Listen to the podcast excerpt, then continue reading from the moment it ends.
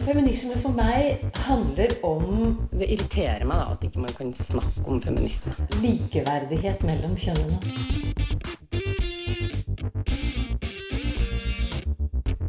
Det blikket på kvinnen på film. Det handlet om å bli tatt på alvor som jente. Du hører på Et eget rom på Radio Nova. I Sverige så lanserte Union en egen hjelpetelefonlinje for personer som har opplevd mansplaining. Men hva betyr det her egentlig? Er det en egen form for hersketeknikk? Og er det kun menn som mansplainer? mansplainer?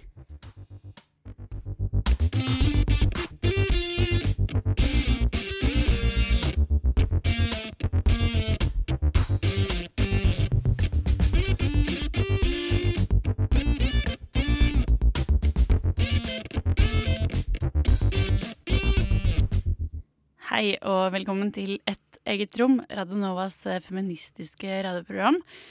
På teknikk bak spakene så er vi så heldige å hjelpe av Hellige Svensson. Jeg heter Elin Hystad, og overfor meg så sitter Anne Marie Sunde. Hallo. Velkommen tilbake, Takk, takk. får man vel si, etter Ja. et halvt år i utlandet. Ja. Veldig godt å være tilbake, da. Ja, Veldig hyggelig at du er tilbake. Ja. Um, det er jo sånn at liksom Hver mandag så prøver vi å finne ut litt mer av hva feminisme kan bety. Kan man ikke si det sånn? ja. Og i dag så er vi kommet til mansplaining. Eh, en såkalt eh, neologisme, eh, har jeg hørt. Ja. For det er et nytt ord satt sammen av man og explaining. ja. Ikke sant. Eh, det har vel ikke egentlig noe godt norsk ord, tror jeg. Nei, jeg tror ikke det. Jeg fant liksom ingenting av altså, at vi nesten vi bare må holde oss til den engelske versjonen. Ja, det blir liksom sånn eh, manneforklaring, Ja. eller Det er jo Eh. egentlig det det blir. Høres litt teit ut på norsk, men det Ja. blir jo egentlig det. Ja, men det som egentlig har fascinert meg litt, da, er at det, det er overraskende mange forskjellige definisjoner av det her ute og går. Ja, det er det. Mm. Og så har jeg liksom inntrykk av at det dukker opp veldig mange steder også. I Ja, hvert fall på internett. ja, det er litt sånn nytt hypa ord, det her, som er litt sånn Det her er det nye kule, Ja, tror jeg. Litt sånn her motord i feminismen. Og så veit jeg ikke helt, men for meg så virker det som det ofte kan være ganske lett å bruke.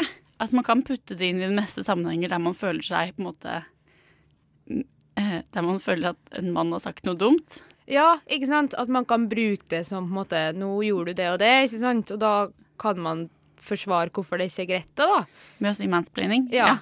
Men, men jeg vet ikke, det er litt sånn spennende å se nærmere på hva det er for noe.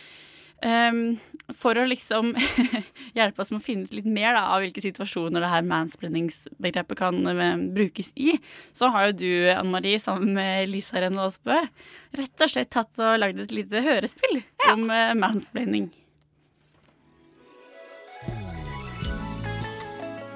Du, Anne Marie. Ja, eh, Er det ikke litt rart at det heter mansplaining? hvordan det? Nei, fordi jeg, jeg tror jeg ble mansplaina av ei dame en gang. Å ja, ja, selvfølgelig. Men herregud, det er ikke så lett, den der mansplaining-greia. Nei, det jo ikke det. Oh, nei, jeg vet ikke om jeg forstår hva det er engang, jeg, altså. Eh, Men jeg leste en artikkel en gang med noen eh, eksempler et sted. Eh, hør nå. Det første eksempelet var vel en mann og en dame som var på date, tror jeg. Og så satt de i bilen, og så Ja, men nå må ikke du bekymre deg. Det er mange som har tatt den utdannelsen, og som har dritkule jobber. Ja, jo, det er jo sant, det. Jeg er ikke bekymra egentlig, altså. Åh. Hva skjer? Du, jeg er sykt kald, ass. Går det fint om jeg skrur opp varmen litt, eller? Ja, selvfølgelig. Den er der.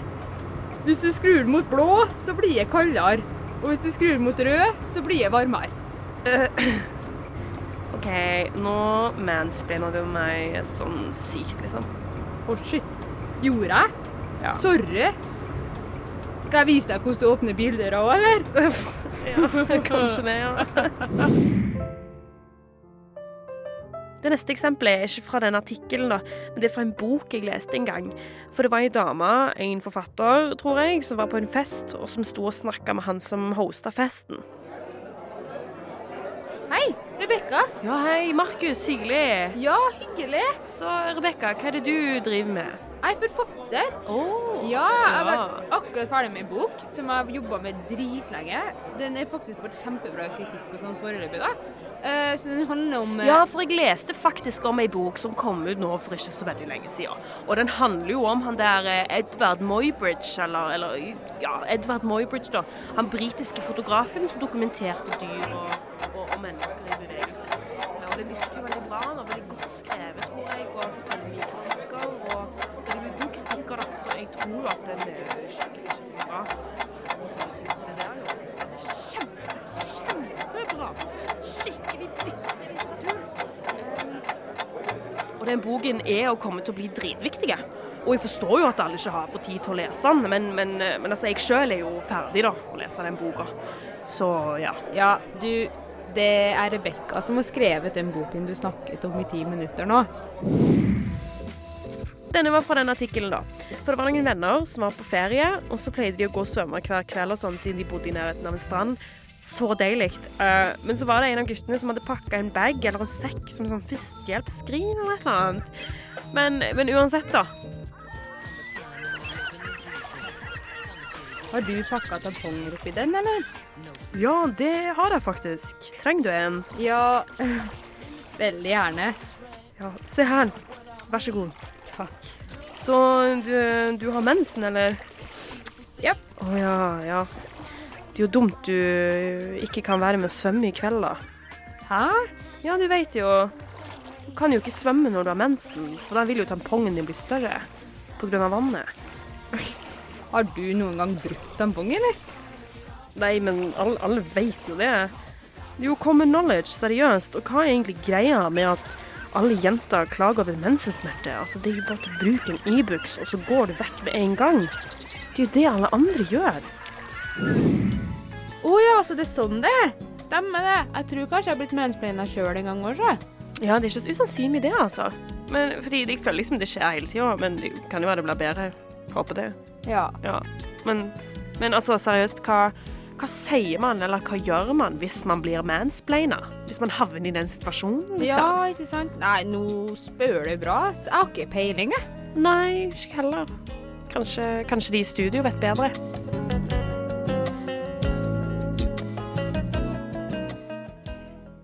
Kanskje de i studio vet bedre. Tusen takk til Lisa Aasbø og deg, Anne Marie Sund, i hvert fall, for eh, både en sånn veldig fin, kreativ og informativ eh, forklaring og eksemplifisering av det her med mansplaining. Jeg tror at vi skal komme tilbake, faktisk, til det her med, med hva man kan gjøre etter Ja. hvert. Når vi har funnet ut litt mer om hva mansplaining egentlig er. Men hvis vi liksom begynner helt fra start, da, på hva det her mansp- mansplainingsbegrepet egentlig kommer fra, så har Så tror jeg, så vidt som jeg kan se på de fleste steder, at de fleste refererer til samme bok, og det er den her som heter Man Explain Things to Me av Rebecca Solnit. Mm. Um, det er en bok som Eller det er liksom ett essay da i den boka som heter Man Explain Things to Me. Og det kom ut i 2008. Og så kom boka ut i 2012 med en samling. Og så har den gitt ut på norsk nå, på Pelikanen forlag, som Menn forklarer meg ting, tror jeg. Ja. Og da har den egentlig fått litt sånn ny oppvåkning i Norge Ja. også. ja, det blir jo liksom spennende å se nå, da, om det er noen som velger å oversette ordet mansplaining, eller om det blir en stor hype i Norge å prate om det òg. For den boka har jo fått masse bra kritikk, den engelske versjonen. Tror Ja. det er ganske mange som har fått åpna øynene og diskutert det litt, og fått litt sånn ord på hva det er som faktisk skjer da, når menn driver sånn forklaring.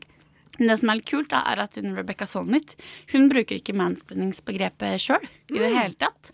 Det er kult. Hun, ja, hun, snakker, hun har som et av de eksemplene som dere hadde faktisk i det her hørespillet. Ja. For Rebecca Solnit er jo hun forfatteren som blir fortalt kjempemasse om den nyeste boka si Ja, ja, ja. i, i 1000 år av en mann. ja. Eh, så der, hun forteller da om den situasjonen her. Og så trekker hun det på en måte ut til å handle om eh, synliggjøring og usynliggjøring. Og eh, på en måte egentlig litt sånn større Større strukturer, da. ja. Og hun, ja, som sagt bruker hun ikke mansplaining, men hun skriver i, i sånn postskript til essayet, nå nå når det er blitt ut en ny utgave, Mm. at hun blei ganske overraska selv over hvor stort det blei, for hun ville egentlig bare diskutere da, det Ja. fenomenet her. Ja. Fordi det fikk supermye oppmerksomhet etter at det ble publisert, og det ble lagd en sånn nettside som heter academic men explain things to me. Um, og det ble et av New York Times nyord i 2010. Mm. Så ja, egentlig kanskje vi henger litt etter i Norge, da, som diskuterer det her først i 2017. Ja, jeg tenker det er jo tydelig at hun traff et punkt, da. At hun kanskje klarte å sette ord på noe som var et problem som mange hadde opplevd, da, men som ingen egentlig hadde skrevet om eller prata så mye om. Ja. At det på en måte ga folk et sånn ordforråd og liksom eksempler og sånn for hva, å forklare hva som faktisk skjer i hverdagen, da. Mhm, ja, for det er jo det hun vil. Hun sier at eh, det her mekanismen da, som, der man på en måte usynliggjør den andre ved å snakke masse om noe som den andre egentlig kan noe om, for den andre personen blir jo bare stille da, i en sånn sammenheng. Ja. Eh, den, den mekanismen skjer mellom både menn og kvinner. Ja. Altså både menn og kvinner gjør det, men sånn som hun ser det, så er det et kjønna problem. Ja. Og den usynliggjøringa som da skjer med kvinner, det kobler hun igjen i det essayet her til ganske sånn store strukturelle og veldig sånn alvorlige problemer, som både voldtekt og eh, drap. Mm. Og det blir Ja. liksom et større problem da, for henne, egentlig. Ja. ja, det går jo sikkert litt tilbake til det der evige problemet innen likestilling og sånn, ikke sant? At kvinner har en tendens til å bli oversett og sett på den som er mindre kunnskapsrik og mindre har mindre ferdigheter, ikke sant? At det blir en sånn fortsettelse av hvordan syn menn egentlig har på kvinner, da. At det er litt sånn, så lenge kvinner er på en måte den andre, da, ikke sant, den mindre, så er det lettere å se ned på det og da. At man ikke anerkjenner det som en like kunnskapsrik person som det kvinner veldig, veldig ofte er, da. Ja, det er liksom en skeiv maktfordeling der i utgangspunktet, da. Ja. Som også er Sjøl om det virker litt sånn småkomisk og litt sånn trivielt i de her eh, eksemplene, det er Ja. jo litt komisk på hverdagsplan også, Ja. så blir det jo den skjevfordelinga når den skjer i f.eks. at voldtekter ikke tas på alvor, da, eller blir sånn usynliggjort, så blir det jo mer alvorlig. Mm. Ja. Um, som er egentlig samme mekanisme, kanskje, da. Ja. Sier Rebecca Solnit i hvert fall. Eller hun drar det ganske sånn langt, men det er ganske sånn spennende også, og jeg anbefaler egentlig å lese den uh, essaysamlinga, for hun skriver veldig masse fint om både det her med synliggjøring og usynliggjøring og sånne ting. Mm. Mm. Vi skal jo fortsette å grave oss lenger ned i mansplainingsbegrepet her i et eget rom. Um, og vi skal egentlig følge hun Rebecca Sonnet ganske tett, for vi skal kikke litt nærmere på forbindelsen mellom mansplaining og det her med hersketeknikker. For det også handler jo om sånn usynliggjøring Ja. og synliggjøring og hvordan det fungerer. Men først så skal du få en litt sånn mjuk start på mandagsmorgen med en artist som faktisk nå rundt nyttår skrev en ganske sånn kul post på Facebook om hvordan kvinnelige og mannlige elektroniske musikere behandles ganske ulikt. Bjørk med låta 'Come to Me'. feminist, a person who believes in the social, political, and economic equality of the sexes. Eget rom. Et eget rom. Et Eget rom. Et eget rom. Et eget rom. Her i et eget rom i dag så diskuterer vi altså mansplaining. Det her er litt sånn vanskelige begrepet å få grep om. Og vi har sett på Rebecca Solnit, som har liksom coina det på mange måter. Eller i hvert fall vært den som starta begrepet. Ja. Og hun kobler det til usynliggjøring og synliggjøring og sånne mekanismer. Men det som jeg tenkte på, i hvert fall med en gang jeg begynte å tenke på mansplainingsbegrepet, det var de her hersketeknikkene. Ja, ikke sant? For det gir jo mye mening. Fordi sånn, både i eksemplene vi hørte, og når man leser om det sånn, så kommer det jo tydelig frem at når det er noen som driver mansplaining, så er det ofte også med hersketeknikker. da. At det er med usynliggjøring, eller at det er med overkjøring i det. da, ikke sant? At det er implisitt i mansplaining-begrepet. Så da blir det jo litt vanskelig å skille hva er mansplaining, hva er hersketeknikk, hva er forskjellen her, liksom. Ja, men det som jeg lurer på, da, er om mans nei, hersketeknikker er litt sånn særnorsk ting. Jeg Ja. vet ikke, men det virker som de ikke har så noe veldig bra ord for det i engelskspråklige land. Jeg vet ikke, Det er jo hun Berit Aas som liksom er kjent for det her. Med, altså peker på hvordan, eh, hvordan man på forskjellige måter utøver makt gjennom ord og eh, uttrykk og sånne ting. Mm. Og hvordan det her skjer ubevisst. da. Ja. Og det der med det ubevisste også tror jeg er ganske sånn nøkkelord som går igjen både hersketeknikker og mansplaining. Ja. Med at det er noe som skjer, bare skjer. Og så trenger man det ordet for å peke på det. ja. Og der mansplaining kanskje er litt sånn vagt, så er kanskje hersketeknikker enda mer konkrete, da. Ja, ikke sant. Nei, jeg tenker litt det der, for det var jo egentlig ganske kult når hun berit Berit Aas kom med det her, ikke sant. Så satte jo ord på veldig mange sånn hverdagsting som kvinner opplevde. Og det kan jo være at, iallfall sånn som jeg har opplevd, så er det ikke sånn i det engelske språket at de har et ord for hersketeknikker, egentlig, som funker like bra som det det gjør på norsk. Og da kan det jo være at når mansplaining-begrepet kom, at det var litt sånn Å gud, noen har satt ord på ting som vi egentlig ikke har ord på. Og at det derfor blir litt sånn I Norge så har vi hersketeknikker fra før, så vi kan forklare ting. Men at i engelsk språk så ble det litt sånn Oi, det her er dritkult, liksom. Nå har noen funnet ord på det vi opplever i hverdagen, da. At det kanskje ble enda sterkere der, fordi de hadde disse det hersketeknikkgrunnlaget fra før. Mm. Hvis du sitter og tenker litt sånn hm, hva var disse her hersketeknikkene igjen, så kan vi ta en repetisjon på det aller først. For Linda Therese Rosenberg, hun kan forklare oss mer. De er ofte vanskelige å sette fingeren på når det skjer. Men noen ganger så er de også ganske tydelige. De kan brukes bevisst, eller de brukes av noen som ikke er klar over at en selv hever seg over andre gjennom tonefall, kroppsspråk og ordvalg. I hvert fall ifølge den svenske retorikeren Elaine Eksværd, som tror at majoriteten av de som bruker hersketeknikker, ikke er klar over at de gjør det. Men er det mulig?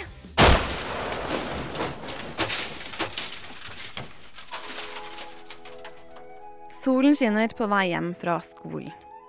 For et vindu hører du en mann sammenligne konas venninnetreff med en hønsegård til latter fra andre. På den andre siden av veien ser du et ungt par som diskuterer. Idet du runder et hjørne, hører du mannen si at han ikke diskuterer med hysteriske damer. Du rister oppgitt på hodet og gå forbi en lyktestolpe med en plakat av en kvinnelig politiker og påskriften 'heks'. Det startet da sosialpsykolog, politiker, feminist og professor Berit Aas på 1970-tallet stadig opplevde å bli oversett og få slengt flåsete bemerkninger etter seg fra mannlige kollegaer på Stortinget. I dag er det nesten 40 år siden at Aas identifiserte, begynte å skrive om og diskutere det hun skulle kalle for hersketeknikker. Hersketeknikkene har blitt sett på som en nøkkel til å forstå hva som skjer når man ikke blir lyttet til, overses, ignoreres eller latterliggjøres. Enten det er helt hverdagslige situasjoner, i diskusjoner med andre eller i jobbsammenheng. For er det én ting som det ikke handler om, så er det at man ikke er god nok til å argumentere. Stopp! Aas beskrev fem hersketeknikker som skjer i relasjoner mellom mennesker. I prinsippet så kan disse brukes overfor alle undertrykte grupper i samfunnet, men Aas selv var mest opptatt av situasjoner der det er kvinner som blir gjort mindre. Og hersketeknikkene de kalte hun for usynliggjøring, som er tendensen til å overse kvinner som personligheter og fagpersoner, samtidig som de ofte synliggjøres i kraft av pene ben, flotte bryster eller vakre øyne. Latterliggjøring. Når kvinners innsats blir hånet, ledd av, sammenlignet med dyreatferd, eller når kvinner blir karakterisert som hysteriske eller som hekser. Tilbakeholdelse av informasjon. Når kvinner ikke får nødvendig informasjon, og når en stor del av deres arbeid ikke teller eller synliggjøres. Fordømmelse uansett hva du gjør, og det blir påført skyld eller skam. Aas mente at hersketeknikkene opptrer på mange forskjellige måter. Disse fem var derfor en pedagogisk forenkling. I tillegg skrev hun om objektgjøring som en mulig sjette teknikk. Felles for alle sammen er at de får deg til å føle deg dum, utilpass og usikker på det du gjør eller det du sier.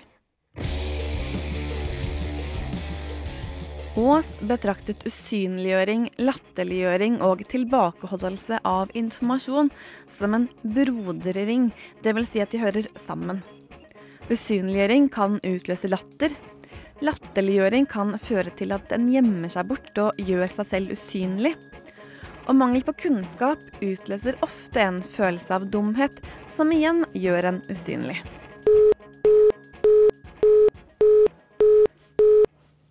Takk til deg, Linda Therese Rosenberg, for liksom sånn oppfriskning av uh, det her med hersketeknikker. Det virker jo, altså det er jo egentlig ganske likt mansplaining, tenker jeg.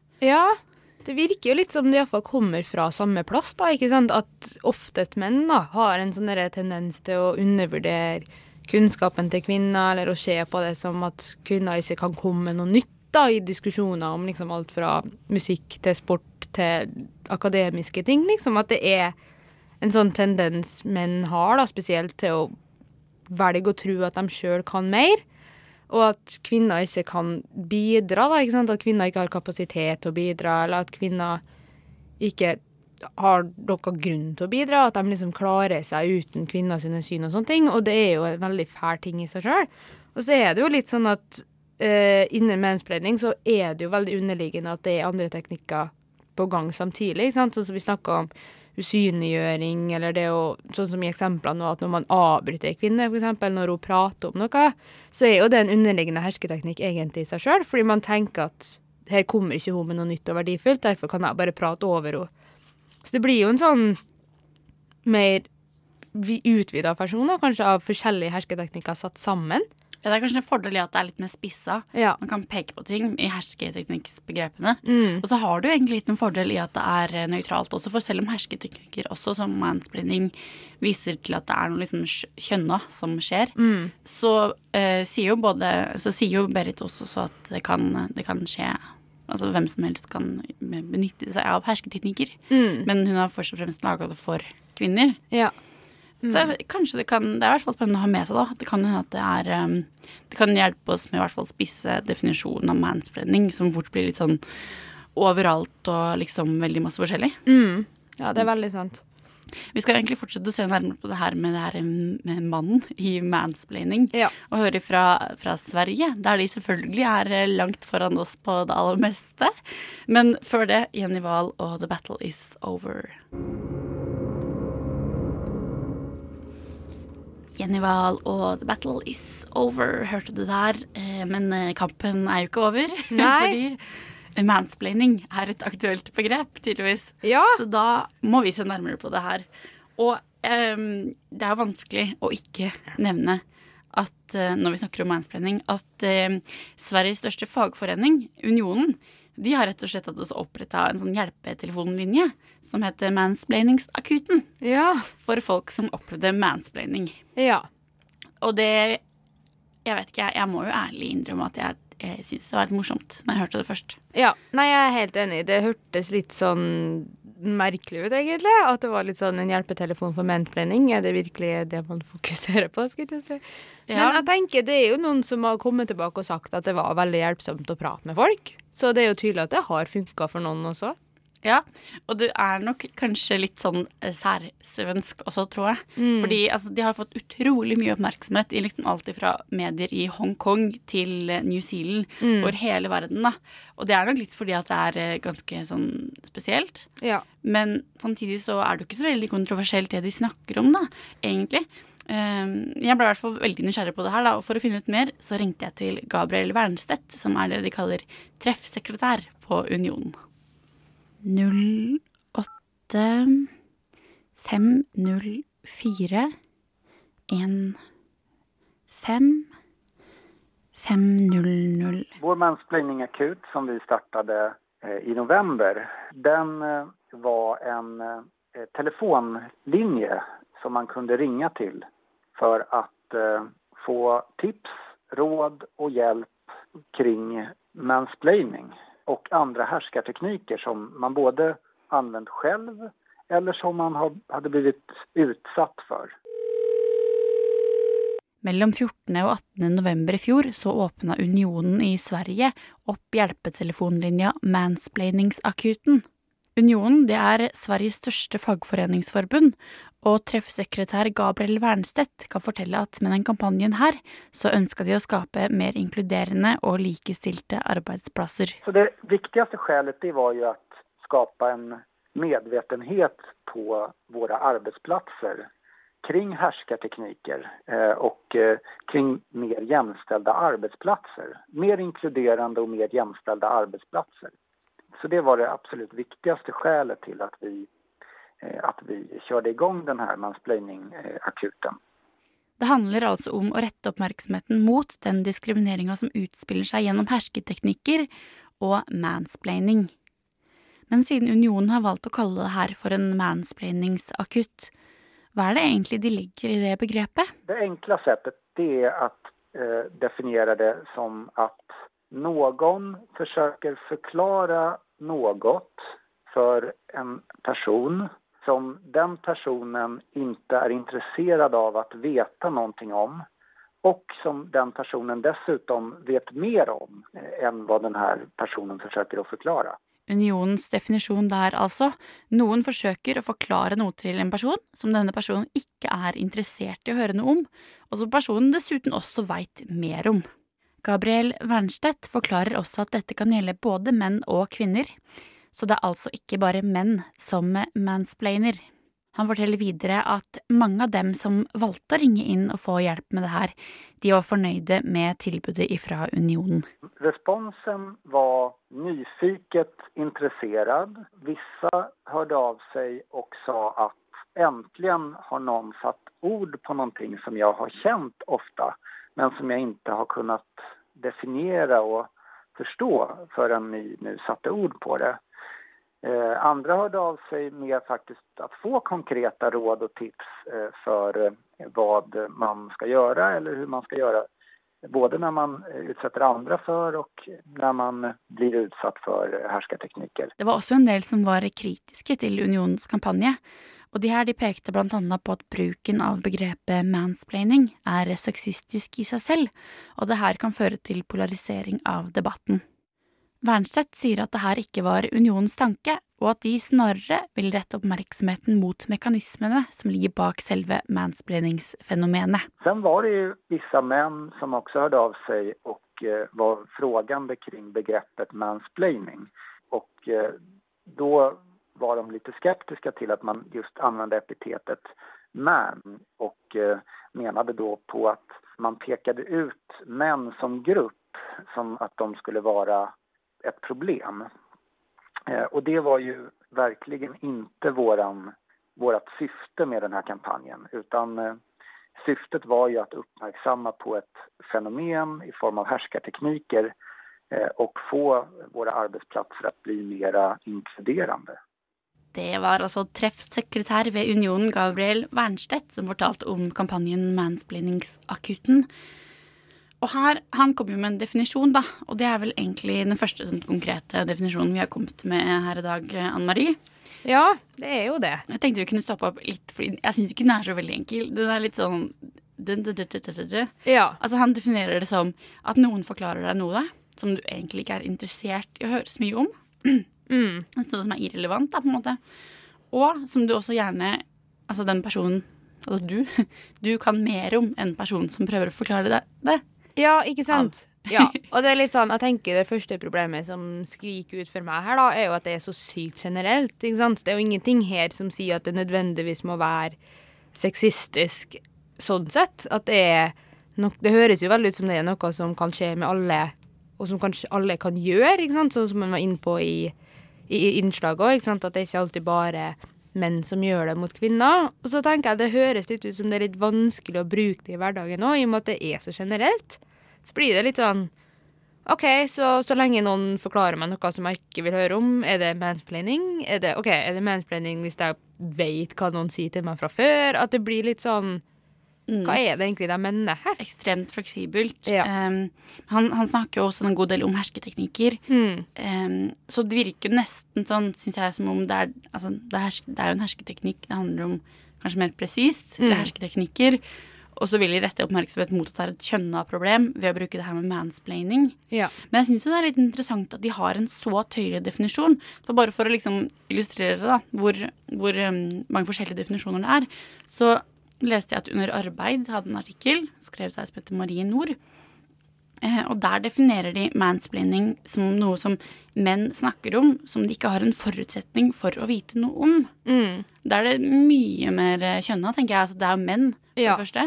Og da er det sikkert noe om kvinnekroppen da, som det dreier seg om. Ja, ikke sant. Det høres jo iallfall ut som det må være noe som bare kvinner opplever, da. At, eh, og at det er litt sånn at det høres ut som ok, selv om menn har lest ting, eller gud vet meg hva, så er det mansplaining så lenge de snakker om det, fordi det er noe som bare kvinner opplever, da, eller har forutsetning for å oppleve. Og da blir det jo mye mer spissa. Mm, jeg tror den her man i mansplaining er litt sånn kjerneproblemet også. Mm. Så vi skal se litt sånn eh, nærmere på det. Men før det så skal du få Broen og låta Yoga. I think uh, is is an insane person. Is an insane person. Is an insane person. Is an insane person. Du hører på Et eget rom. Det gjør du, og vi snakker om mansplaining i dag, Eline og Ann Marie. Og det er ikke så veldig mange norske artikler om mansplaining, men jeg fant en kronikk i Dagbladet fra 5.9.2016. Og den er ganske spennende, for den handler om akkurat det her som vi diskuterte litt i stad, det er med mannen i mansplaining. Ja. Den er skrevet av en som heter Fahid Shariati. Han er nestleder og gruppeleder for Miljøpartiet De Grønne i Vadsø. Og han sier at han, eh, han, han tar utgangspunkt i det mansplainingsbegrepet og sier at han har tenkt litt på det her. Mm. Um, om hvordan menn ofte snakker nedsettende til kvinner. Og så sier han, jeg kan sitere han da, fordi han er liksom ganske konkret sjøl. Jeg tenker på det spesielt når jeg hører politikere, fagfolk eller lekmenn som tilfeldigvis har en megafon i form av en sosial plattform der de kan rope ut hva som trengs for å integrere innvandrere. Jeg tenker på mansplaining fordi disse selverklærte eksperter nesten alltid er etnisk norske som snakker om hva andre mennesker trenger. Det gjør de med aller største selvtillit kombinert med altfor lite ydmykhet. Ja. Så han føler seg liksom mansplaina av de her politikerne som snakker om integrering. Ja. Ja, ikke sant. Og tenker, man ser jo veldig sterke paralleller her, for det er jo litt det samme som går igjen. At du har en her, i, I det her da, så har du liksom en hvit mann, ikke sant. Eller hvit er jo det, liksom kjerneordet her. Person som oversnakker innvandrere og dem som ikke er etnisk norske, og forklarer ting på en sånn nedverdigende måte. Litt samme som det vi så ble gjort mot kvinner tidligere. Og da kommer jo spørsmålet er det helt rett å kalle det mansplaining, for kanskje det da er nødvendig å utvide begrepet til noe mer generelt, da, som kanskje fokuserer mer på den der nedverdigende forklaringa, og kanskje ikke mannsdelen av det. Mm. Det har jo dukka opp, da, bare for å gjøre det enda vanskeligere, det her begrepet whitesplaining. For å favne om det her. Ja. Eh, Jeg veit ikke helt. Kanskje det er en fordel å heller ha noe mer fleksibelt som kan ta inn alt. For det er jo samme mekanisme. Sånn som jeg forstår det, så er det egentlig akkurat samme mekanisme. Ja. I hvert fall hvis man definerer mansplaining ganske snevert, som det her med menn som sier noe om kvinnekroppen, Mm. og forklarer deg noe som de ikke har noen forutsetninger for å vite. Ja. Eh, Det er jo egentlig akkurat samme som hvite politikere som belærer andre om integrering, da. Ja, ikke sant. Um, så da er det kanskje hersketeknikker, usynlighetsgjøring, jeg vet ikke. Mm. Det blir jo liksom voldsomt. Eller skal vi ha både whitesplaining, mansplaining eh. Womansplaining, Ja. for å komplisere det enda mer. mm. Ja. ja, nei, men iallfall med det med whitesplaining, så er det jo litt det der, ikke sant. Sånn man ser det veldig sterkt i politikken i Norge i dag, at du har den der hvite menn-eliten som sitter og diskuterer innvandring og rasisme og integrering og øst og vest i Oslo og gud vet med alt mulig sånne ting. Og så har du den der gruppa som faktisk er de som er innvandrere, de som har andre hudfarger, som føler at de blir usynliggjort av den der hvite politikkeliten. Og da har du jo egentlig samme problemet på gang, at du har den der usynliggjøringa av en gruppe fordi du tenker at de ikke kan like mye, eller at de ikke har noe nytt å komme med. Så sånn sett så er det jo samme plassen det kommer fra, da, kan man si, når folk velger whitesplaining, da. Ja, og han kronikkforfatteren bruker jo mansplainingsbegrepet, han bruker ikke whitesplaining i det hele tatt. Mm. Da kan man jo tenke at Sylvi Listhaug liksom mansplainer like mye Ja. hvordan integrering burde foregå, Mm. som hvilken som helst annen mann ville gjort, da. Ja. Um, det er jo litt interessant, og det er jo interessant å se hvordan de her mekanismene skjer på mange måter. Og Mm. Ja, det er skikkelig interessant. understreker også at menn også kan mansplaine like mye, egentlig. Mm.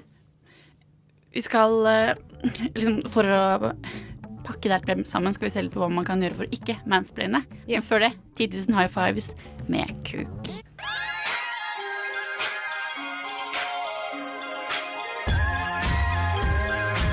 Radio Nova FM 99,3 og radionova.no.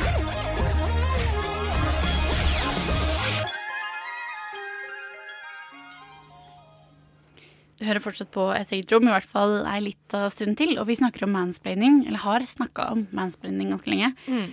Vi har jo i hvert fall Jeg vet ikke om vi har liksom klart å settle hva det egentlig er, men vi har sett litt nærmere på hva det kan være. Ja. Eh, Det handler i hvert fall om noe slags sånn snakke, snakke forbi, eller snakke over noen andre. Ja. Og ligger ganske tett inntil noen hersketeknikker, som vi sier på norsk. Mm.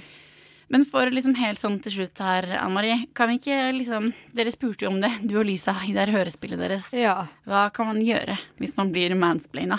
Ja, altså Hvis man blir mansplaina, så tror jeg egentlig For det første så er det bare det å være tøff nok til å skje det, kanskje. Tør å gjøre noe med det. ikke sant? Og da blir det jo litt sånn Altså, Man kan jo være tøff nok å si ifra, men jeg er litt redd for at hvis man gjør det, så får man tilbake en sånn Ja, men hvorfor kaller du det mensplaining og sånne ting? At du skaper like mye debatt, da. Så det er jo flere sånne små ting man kanskje kan gjøre, avhengig av litt sånn hvordan situasjon man er i òg, da. Men at du har jo en sånn jeg, ikke, jeg- så på nettet at du kan ha en sånn Send link til Rebekka Sonitz i bok ikke sant? med Ja, sånn bilde. Sånn ting, gøy. Men forklare meg ting. ikke sant? At det kan være en sånn morsom måte å gjøre det på. ikke sant? Og så kan du jo bruke din egen erfaring. Si litt sånn Ja, men det her har jeg opplevd, liksom, så jeg kan faktisk litt om det. Eller bare si til folk jeg har faktisk studert det, eller jeg har faktisk lest det, sånn at de blir litt obs på hva du faktisk kan, da. For det er jo ofte det som skjer, at man undervurderer hva du kan. Og så hvis at du har en sånn skikkelig akademisk greie, så er det jo litt det der å kanskje bruke statistikk, da. Til artikler, vise at du faktisk har gjort researchen din, da. For det er ofte det du må hvis du skal bli anerkjent. Men det kuleste eksempelet er jo kanskje hvis at du svarer litt med samme mynt, da. At hvis du har en person som står og mansplainer mot deg, at du kan på en måte stille et spørsmål tilbake, da. Ja, Det syns jeg er en kjempegod løsning, ja, egentlig. ikke sant? Enten så kan du ha en litt sånn Hvorfor eh, forklarer du meg det her, liksom? Vi har jo allerede snakka om det, jeg vet hva det er. Eller så kan du jo ha litt mer sånn eh, Eller avansere debatten. Ja. Avansere det litt. Spill litt spørsmål som er litt Ja. over det nivået dere er på, kanskje. Bare Mm. før det videre. bare overse litt en side, og så bare føre deg videre til neste nivå, kanskje. På en måte forklare, forklare noe enda vanskeligere tilbake. Ja. Ja. Eh, Vi har jo også, liksom, Hvis du har lyst på noen sånn pro-tips om hvordan ikke mansplaine, så kan du f.eks. Liksom stiller jeg selv, selv spørsmålet om du har spurt om personen du snakker med, har en mening om det du snakker om. Mm. Er du ekspert på temaet? Mm. Og starter du en setning med sånn 'jeg tror ikke du forstår', eller 'du misforstår', Ja. da er det et dårlig tegn. da. Bare spør personen du snakker med om de vet noe om det her, så er det ganske safe. Mm. Mm, jeg tror det skal ordne seg. Du skal Ja. få Ellie Herring og Jahei, tror jeg man sier det, med Swim, with, swim Me, rett og slett, her nå i ditt eget rom. Ellie Herring, Jahei, tror du man kan synes sånn, Anne Marie? Jay. J.E. Ja, Noe med sant. Swim Me, hørte du der. Og vi er eh, faktisk ferdig for i dag, vi, her i et eget rom. Men eh, jeg vet ikke, kanskje det er litt lettere for deg å eh, enten argumentere for eller imot bruk av mansplaining, og kanskje også peke på hva som skjer Ja. hvis du blir mansplaina. Ja. Veit ikke. Forhåpentligvis. Jeg vil i hvert fall si tusen hjertelig takk til tekniker Helly Svensson, til deg, Anne Marie Sunde, og ikke minst tusen takk til deg som hører på, fordi hvis ikke du hadde hørt på podkast eller radio eller DAB, så hadde det ikke vært noe gøy for oss. Um, takk til Lina Therese Rosenberg og Lisa Aasbø, som også har bidratt. Og jeg, Eline Hysa, takker for meg. Åh, lang remse med takk. Vi er selvfølgelig tilbake neste uke. Med deg ut i den kalde januarmorgenen så skal du få Rima Edera og Artist Addiction.